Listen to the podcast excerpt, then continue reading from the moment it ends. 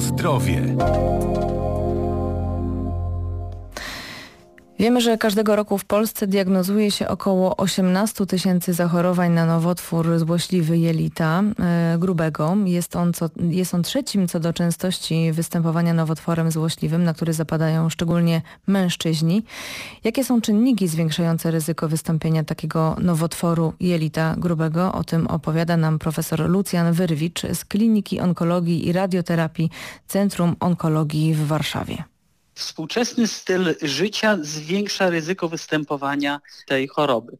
Siedzący tryb życia, nadmierne spożywanie czerwonego mięsa, nadmierna masa ciała, to są wszystko czynniki, które wpływają na wzrost ryzyka raka jelita grubego.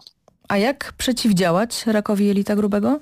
Powinniśmy unikać tych czynników, których przed chwileczką wspominałem, czyli taki zdrowszy styl życia, no i drugie badania, czyli kolonoskopia, wczesne wykrycie nowotworu i jeszcze w czasie tej samej kolonoskopii część pacjentów może być uzdrowiona z raka jelita grubego. A te objawy, których powinniśmy starać się w swoim organizmie wysłuchać, to zaburzenia rytmu wypróżnień, niedokrwistość stwierdzona w takich badaniach jak badanie morfologii krwi e, w sytuacji, gdy nie mamy innego powodu, żeby ta niedokrwistość występowała. Ale jeśli nie mamy takich objawów i przychodzi do nas list zapraszający na badanie endoskopowe w programie badań przesiewowych, no to to bardzo lekkomyślne jest y, nie poddać się takiemu badaniu. Bo w samym badaniu nie ma przecież nic złego. Czym jest kolonoskopia?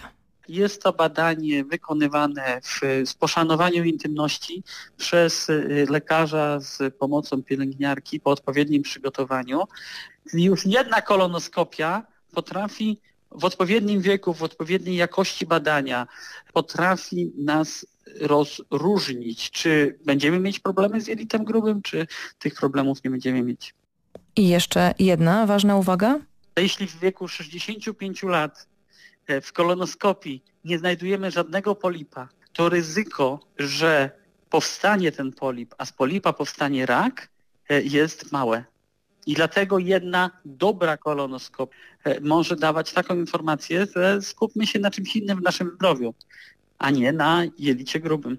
O tyle to jest istotne, że tylko w trzech nowotworach udowodniono, że warto no, zapobiegać, czyli poddawać się badaniom takim właśnie kontrolnym. I te nowotwory to, to rak jelita grubego, to rak szyjki macicy i rak piersi. W, w tych trzech nowotworach mamy programy badań przesiewowych, i stąd zachęcam Państwa do zgłaszania się do tych programów, jeśli jesteście Państwo w grupie docelowej.